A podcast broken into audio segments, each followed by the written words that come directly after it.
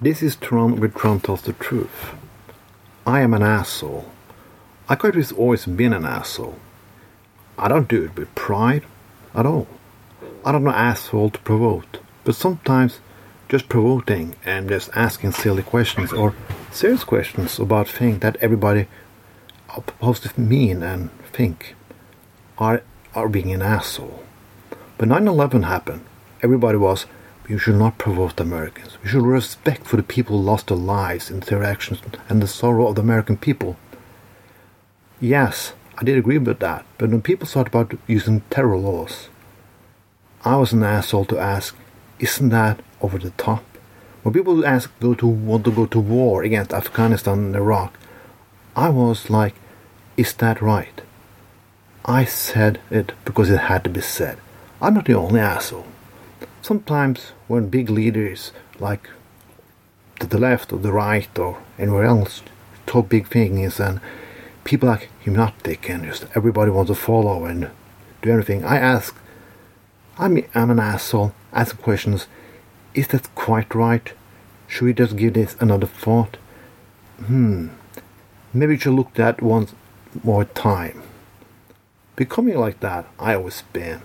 And I must admit, sometimes I was wrong and sometimes I was right. But I like the thing, thought of delaying things a little. Yeah, sometimes things are obvious and sometimes we have quick action. But not so quick action that you don't think, that we just follow orders, just do things without thinking. That is not good. I could say that it's just the right have the monopoly on this, but the left too. We follow, we don't think, we don't ask questions to the obvious.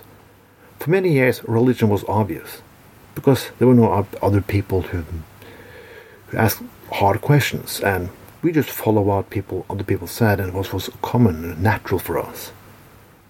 But then there were assholes asking questions, opposing. And why are they opposing? We, we have right. We have always have right. We all had tradition to do things like that. Why do they do that? Blah, blah, blah, blah, blah, blah. Well, they do it because they are good assholes. I want all the world to be a little asshole. I was always, I'm told that sometimes I say things but they do not need to be said. But I think true what I say, and sometimes I say it because it need to be said. I know I will not be popular, but saying the right thing and asking questions never is. I have never been and would never be we have to do this because that is what taking us as, as a nation, as a country, or as uh, a, as a united force around the world.